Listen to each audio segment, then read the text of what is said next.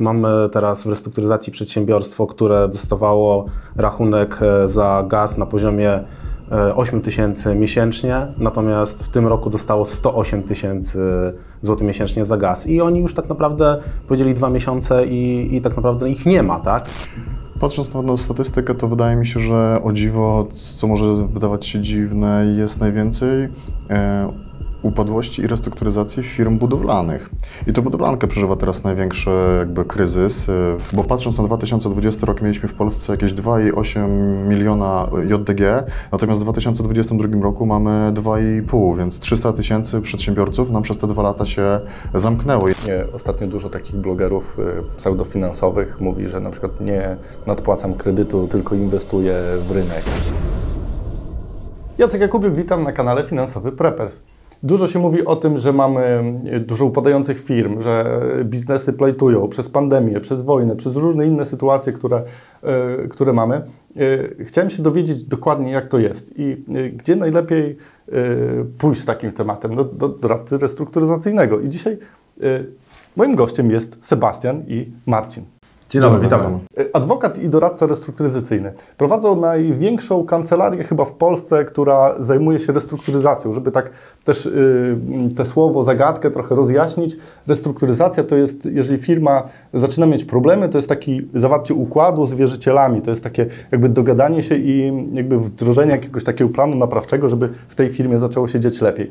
I yy, chłopaki, do Was mam pierwsze takie pytanie. Jak wygląda w ogóle statystyka, co się w Polsce teraz działo przez te, yy, przez, przez te wszystkie lata? Czy rzeczywiście widzimy, że firm upada coraz więcej, czy rozwijamy się i jest cudownie i super?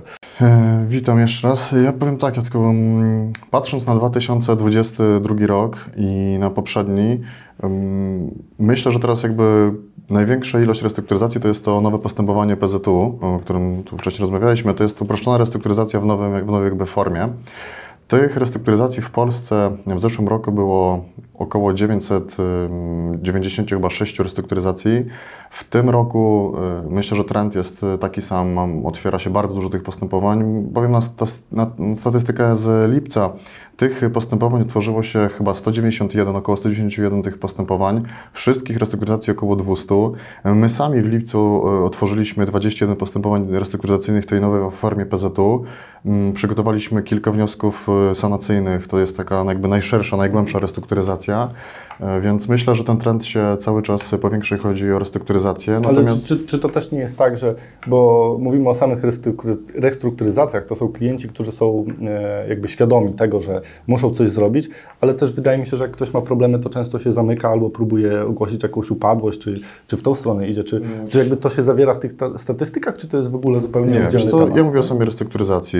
Y, upadłości było chyba około 500 wniosków, choć statystyki co do upadłości są takie teraz, patrząc na upadłości gospodarcze, że otwiera się powiedzmy 30 wniosków y, miesięcznie, jeżeli chodzi o upadłość gospodarczą, a 30 kilka jest w ogóle oddalonych. Czyli zakładam, że albo przedsiębiorca nie miał pieniędzy na koszty postępowania i dlatego został ten wniosek oddalony, albo może jakieś y, y, braki formalne, chociaż wtedy byłby pewnie mm, wniosek całkowicie odrzucony, więc myślę, że mimo, że się mówi, że idzie fala upadłości i, i, i dużo firm jest zagrożonych, to mm, remedium na to jakby rozwiązanie, natomiast restrukturyzacja, choć nie mówię też, że nie dzieje się źle, jeżeli chodzi o e, polskie działalności gospodarcze, bo patrząc na 2020 rok mieliśmy w Polsce jakieś 2,8 miliona JDG, natomiast w 2022 roku mamy 2,5, więc 300 tysięcy przedsiębiorców nam przez te dwa lata się zamknęło i naj, najprawdopodobniej albo zawiesili działalność i ją zamknęli, albo częściowo pewnie część z nich poszła do upadłości, więc e,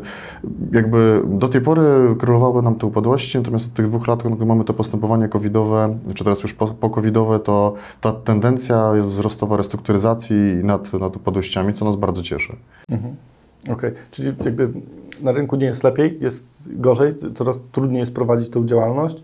A mm, z jakimi powodami się spotykacie? Dlaczego ci klienci upadają i ewentualnie które branże są najbardziej narażone na, na takie sytuacje? Wiesz, Jacek, kwestia jest taka, że mm, Najwięcej upadłości tak naprawdę mamy spółek ZOO, jeżeli chodzi o statystyki. Potem to są jednoosobowe działalności gospodarcze, a potem rolnicy. Należałoby się tutaj zastanowić, dlaczego tak, tak się dzieje. Przede wszystkim dlatego, że e, na- następuje spirala zadłużeń. Są to zazwyczaj na początku kredyty, małe kredyty obrotowe, które potem jakby mm, przeistaczają się w coraz większe kredyty obrotowe. Potem wchodzą leasingi, a najgorzej wchodzą leasingi na rzeczy tak naprawdę zbędne w działalności gospodarczej, czyli na prywatne auta, na łodzie, na skutery, na helikoptery, bo też takie rzeczy widzieliśmy, e, niestety. Natomiast e, jeżeli to już nie służy prowadzeniu działalności gospodarczej, no to niestety to jest pętla, którą ten przedsiębiorca sam sobie zakłada. To, co pytałeś jeszcze, dlaczego restrukturyzacji jest więcej teraz niż upadłości? Wydaje mi się, że e, taka misja, którą podjęli doradcy restrukturyzacyjni, e, taka misja edukacyjna przedsiębiorców, że nie, nie zawsze trzeba upadać, nie zawsze trzeba kończyć ten biznes, tylko może się trzeba dogadać z wierzycielami i spróbować ten biznes dalej e, kontynuować. Pamiętajmy, że restrukturyzacja to jest zawsze win-win. Wygrywa i ten, który się restrukturyzuje, i jego wierzyciele, bo wierzyciele zostaną również spłaceni. Patrząc na, na statystykę, to wydaje mi się, że o dziwo, co może wydawać się dziwne, jest najwięcej e, upadłości i restrukturyzacji firm budowlanych.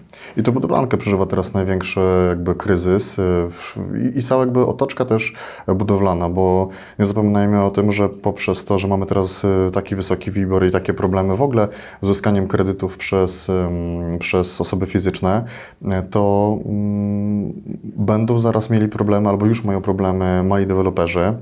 E, No i cała jakby, cała jakby siatka powiązana, czyli deweloperzy, firmy, które wykonują usługi, budowlanka, podwykonawcy, więc jakby mm, tu jest największy teraz, tu jest teraz największy problem. Mm, No i druga, druga, drugi sektor, że tak powiem, to są em, gospodarstwa rolne, rolnicy, którzy też mają teraz e, dużo problemów i oni też bardzo często się restrukturyzują. To jest jakby chyba teraz e, na, największy problem na rynku, choć do nas tak naprawdę zgłaszają się przedsiębiorcy z każdej branży. Nie, nie ma tutaj, że tak powiem, branży, która... ja to tak rozumiem, że e, dużo ludzi też jakby tłumaczy mm, swoje niepowodzenia, że się jakby że była wojna, była pandemia, że musieli się zamknąć, że, że były jakieś sytuacje, które, czy rządzący im jakieś przepisy wprowadzili, e, ale tak naprawdę z tego, co wy mówicie, to głównym takim powodem jest to, że jakby ludzie cały czas nie umieją liczyć. Kupują te jachty, helikoptery, które im są zbędne, zaczynają otaczać, otaczać się zabawkami, a przestają normalnie liczyć i e, być takimi finansowymi prepersami, się zabezpieczać tak naprawdę. Nie oddzielają tych finansów prywatnych od firmowych. Nie? Znaczy, wiesz co, to chyba mm, jest taki problem właśnie, że tak powiem, naszego pokolenia, czyli tego pokolenia lat 80., e, które mm, można powiedzieć zaczynało w komunie, wystartowało w kapitalizmie, natomiast do końca tego kapitalizmu chyba jeszcze nie zna i zachwyca się każdą nowością, e, czy to z Europy, czy to ze Stanów. e, I tak nie do końca jednak, tak jak sam powiedziałeś, liczy te pieniążki, tak? Nie, nie potrafi ich liczyć, a przede wszystkim nie potrafi ich odkładać.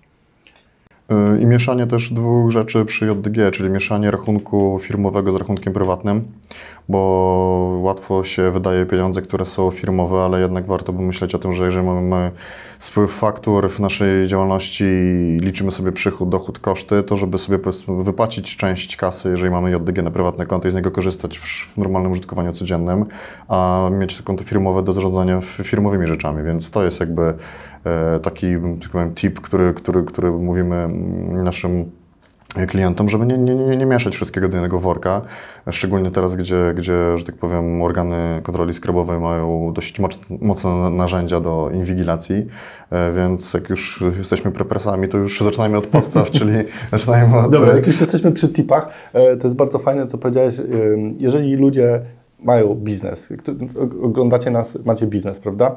E, Jakich błędów unikać, żeby nie być waszym klientem, tylko żeby sobie żyć tak w miarę spokojnie. Przede wszystkim e, odkładać przynajmniej 20% tego, co jesteśmy w stanie w miesiącu zarobić.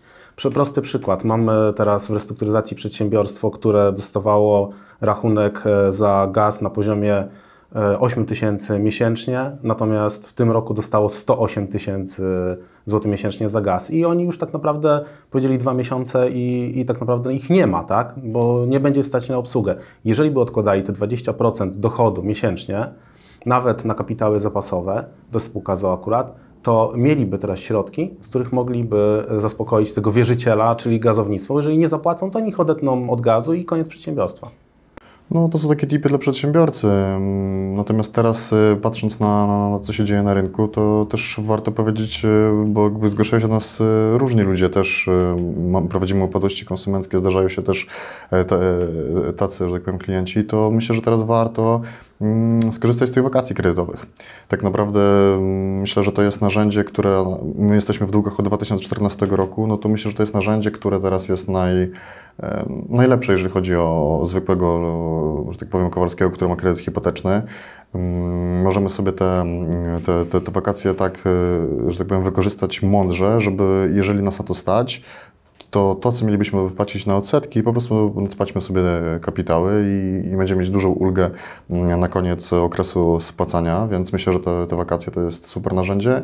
I ostatnio już, e, nie wiem, czy, czy, czy, czy słuchacze o tym wiedzą, ale mm, żyjemy w rzeczywistości już sierpniowej. E, Już mamy też e, drugi, drugi tip dla, dla, dla słuchaczy, to jest to, że Nowo, nowo zaciągane kredyty hipoteczne będą miały taką możliwość, że banki nie będą pobierały podwyższonej marży za to, że nie ma wpisów y, hipotece w, księgi, w księdze wieczystej, więc y, skończy się to po, jakby podwyższenie. Jakby celem tej regulacji było to, że tak naprawdę te wnioski o hipoteki się zawsze wpisują.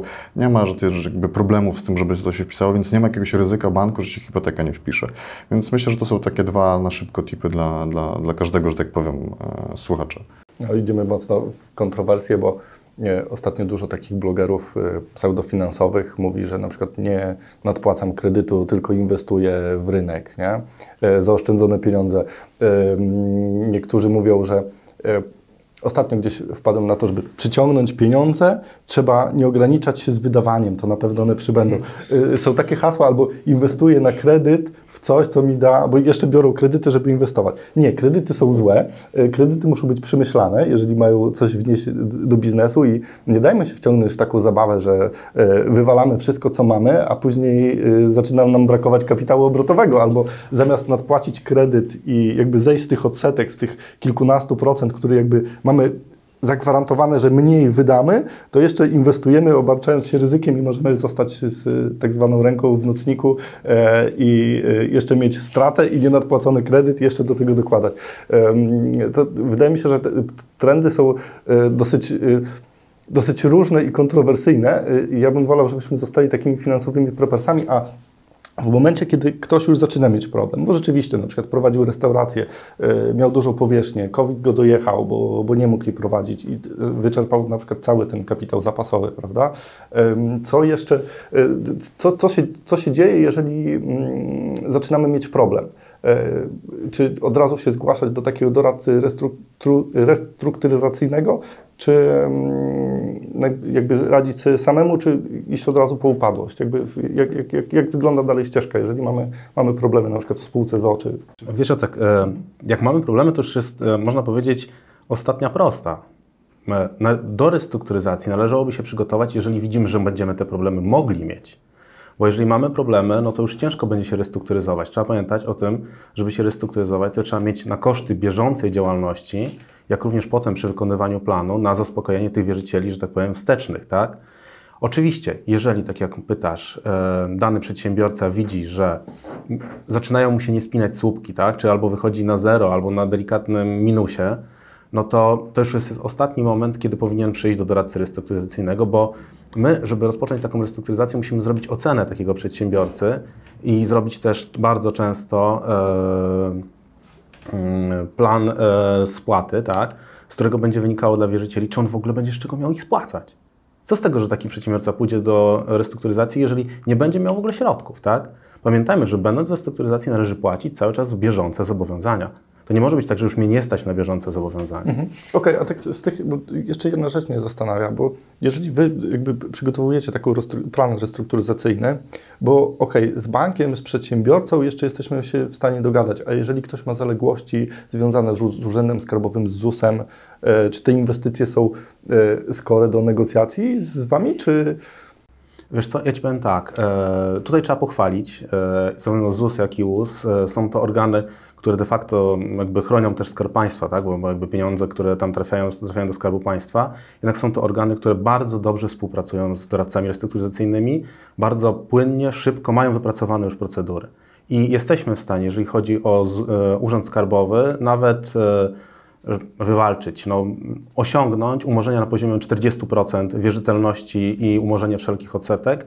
Jeżeli chodzi o ZUS, no niestety ustawa nam tutaj nas bardzo mocno ogranicza i możemy to wyciągnąć w czasie, ale oba organy bardzo dobrze współpracują z doradcami. No, jestem zaskoczony. Praktyka się troszeczkę tutaj zmieni, faktycznie te organy dobrze teraz działają. Myślę, że to się wszystko też zmieniło przez to, że już długo ta ustawa funkcjonuje. Natomiast to, co też mówił Sebastian, że ja też się z tym zgodzę, że mm, jak już mamy problemy, to już myślimy o restrukturyzacji, a jak już mamy takie problemy, że już nawet mamy komornika i tak dalej, ale mamy w perspektywie, że może jednak nam się uda ten biznes dźwignąć, to też jednak zgłośmy się do doradcy i pomyślmy o tym, że może z tych problemów możemy wyjść e, restrukturyzując się, a niekoniecznie upadając. A jeszcze jedno zdanie, które chciałem powiedzieć o tych właśnie tipach i o tym, co rozmawiamy, bo myślimy tutaj pod kątem, jak się zabezpieczyć jako ten finansowy preppers. E, nie bierzmy kredytów na inwestycje w postaci wezmę 200 tysięcy pożyczki i wrzucę to sobie na New Connect albo kupię e, kryptowaluty. To jest ryzyko inwestycyjne. Jeżeli się o tym nie znamy, bo próbujemy, to, to inwestujemy z jakichś nadwyżek finansowych, a nie z zaciąganych zobowiązań. Bo mieliśmy już takich klientów, którzy inwestowali na przykład na rynku Forex, ale inwestowali poprzez to, że mieli pieniądze z kredytów. Zdarzają się już przeróżne historie i ja przed tym naprawdę przestrzegam. Okej, okay, powiedzieliśmy sobie o statystykach, powiedzieliśmy sobie o tym, yy, czego nie robić, yy, a takie może Wasze sukcesy, bo jestem ciekawy, czy yy, ludzie w jakiś fajny sposób są w stanie wychodzić, jakieś takie historie Waszych klientów, może bez imion, nazwisk, ale jakby mm, co takiego ciekawego udało Wam się przeprocesować? Wiesz co, bo nie zawsze e, restrukturyzacje, które prowadzimy, są to restrukturyzacje sądowe też, trzeba powiedzieć.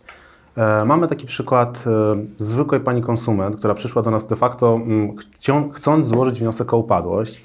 Po dłuższej rozmowie okazało się, że ma majątek, który by musiała poświęcić, że tak powiem, do spłaty swoich zobowiązań, który nie wiadomo, czy by starczył na spłatę tych zobowiązań. No i zaczęliśmy rozmawiać o jakby przyczynach, co można, jaki sposób można jej pomóc. Tak? Okazało się, że pani miała chyba około 2000 e, kredytu hipotecznego, mm, z czego tak naprawdę 1400 to były odsetki, a 600 zł to był kapitał, który spłacała. W momencie, kiedy WIBOR ten w tym roku nam, że tak powiem, bardzo mocno podskoczył, e, z tych 2000 zrobiło się chyba prawie 3400, potem 3600, a pani zarabiała 4000.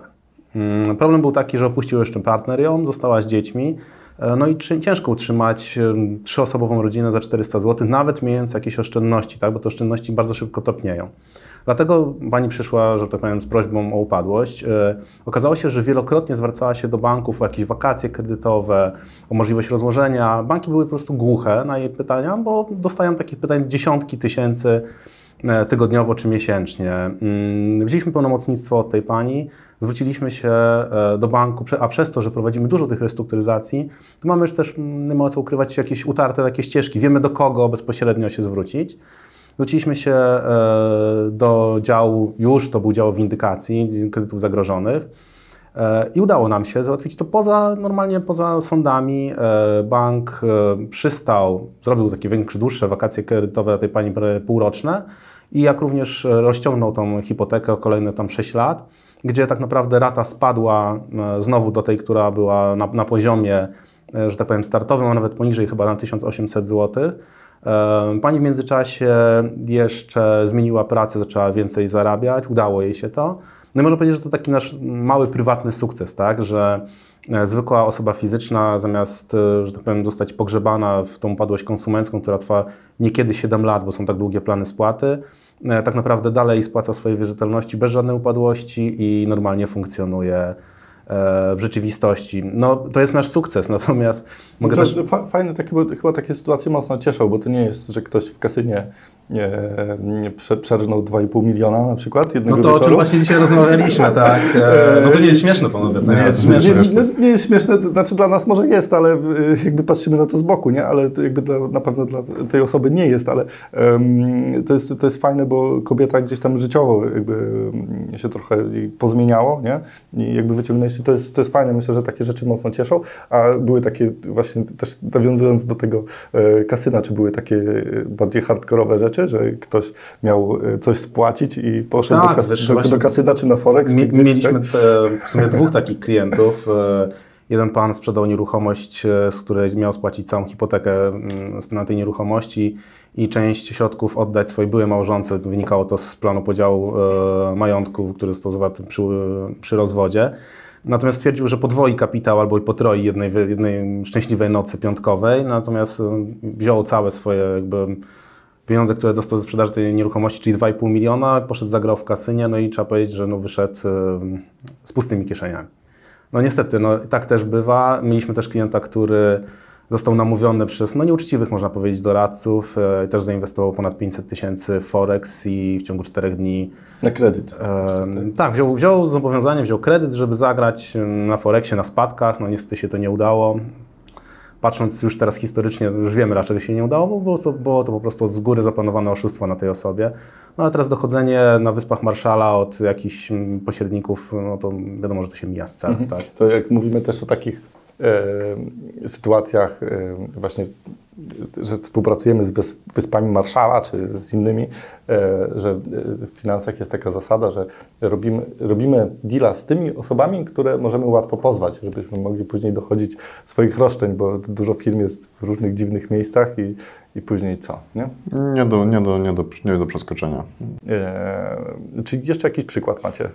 Chyba taka najważniejsza nasza restrukturyzacja to jest, e, ostatnia restrukturyzacja to był wielomilionowy dług. Tam udało nam się zredukować i uzyskać dla naszego klienta ponad 760 tysięcy w, w kapitałach u dostawców, bo zredukowaliśmy 40% ich jakby kwot e, umorzeń i 10% kwoty w bankach plus całe odsetki, więc to kilkumilionowe będą pewnie oszczędności w perspektywie lat.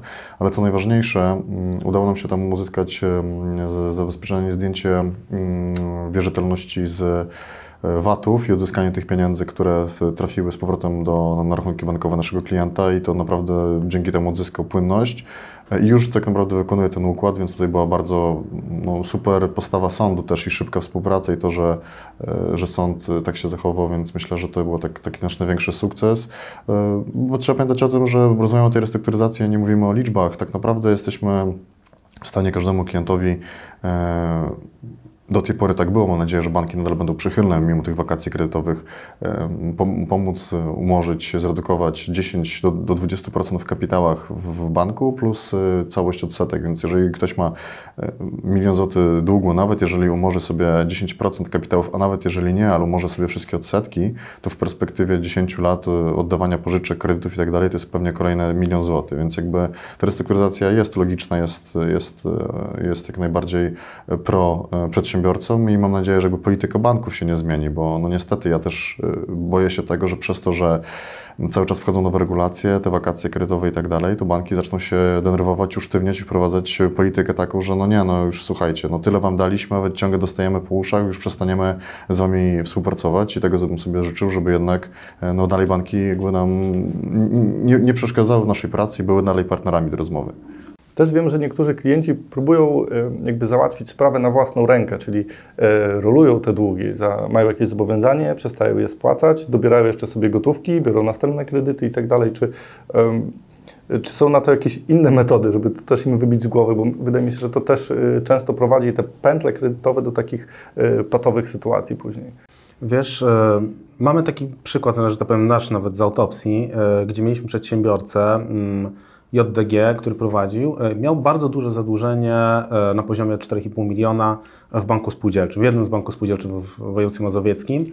E, problem był taki, że majątku miał na ponad 30 milionów i cały majątek był zabezpieczony przez bank spółdzielczy na, te, na tą kwotę. On nawet mógłby spłacić część tej kwoty, nadpłacić, sprzedając tron z nieruchomości. Natomiast bank spółdzielczy nie wyrażał mu konsekwentnie zgody na zwolnienie jakiejkolwiek nieruchomości pod sprzedaż.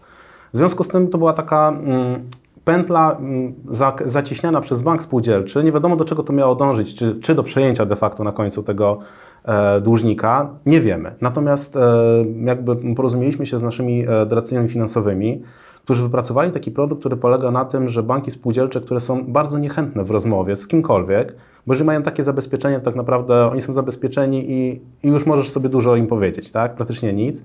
Bardzo dużo oprocentowania i jeden z produktów, który nam właśnie wprowadzili doradcy finansowi, to jest taki, że e, możemy pomóc takim przedsiębiorcom przez to, że ten kredyt zostanie zrolowany do komercji, tak? Jeżeli na przykład w banku spółdzielczym oprocentowanie było na poziomie 12-13 punktów, to w banku e, komercyjnym będzie to na poziomie 6, 7, 8, no teraz z Wiborem będzie to, to troszeczkę więcej, ale to też równolegle jest w banku spółdzielczym wyżej. Natomiast kwestia jest taka, że banki e, komercyjne zabezpieczają się na 100-150% e, wartości e, udzielonego kapitału, tak? Więc jeżeli to jest 4,5 miliona, to nawet jeżeli się zabezpieczą na 8-9 milionach, no to reszta nam jest zwolniona i możemy tą resztę tego majątku używać do prowadzenia działalności albo spieniężyć, albo spieniężyć i spłacić, tak? To jest też ciekawe, bo ja myślałem, że banki spółdzielcze, no, tam decyzje głównie takie chyba powyżej miliona, czy powyżej, powyżej iluś są podejmowane na takich radach, że zbiera się zarząd, nie? No i tam sobie siedzą, piją kawę czy, czy koniak i, y, i jakby podejmują takie decyzje, a bank komercyjny to bardziej mi się kojarzy z procedurami.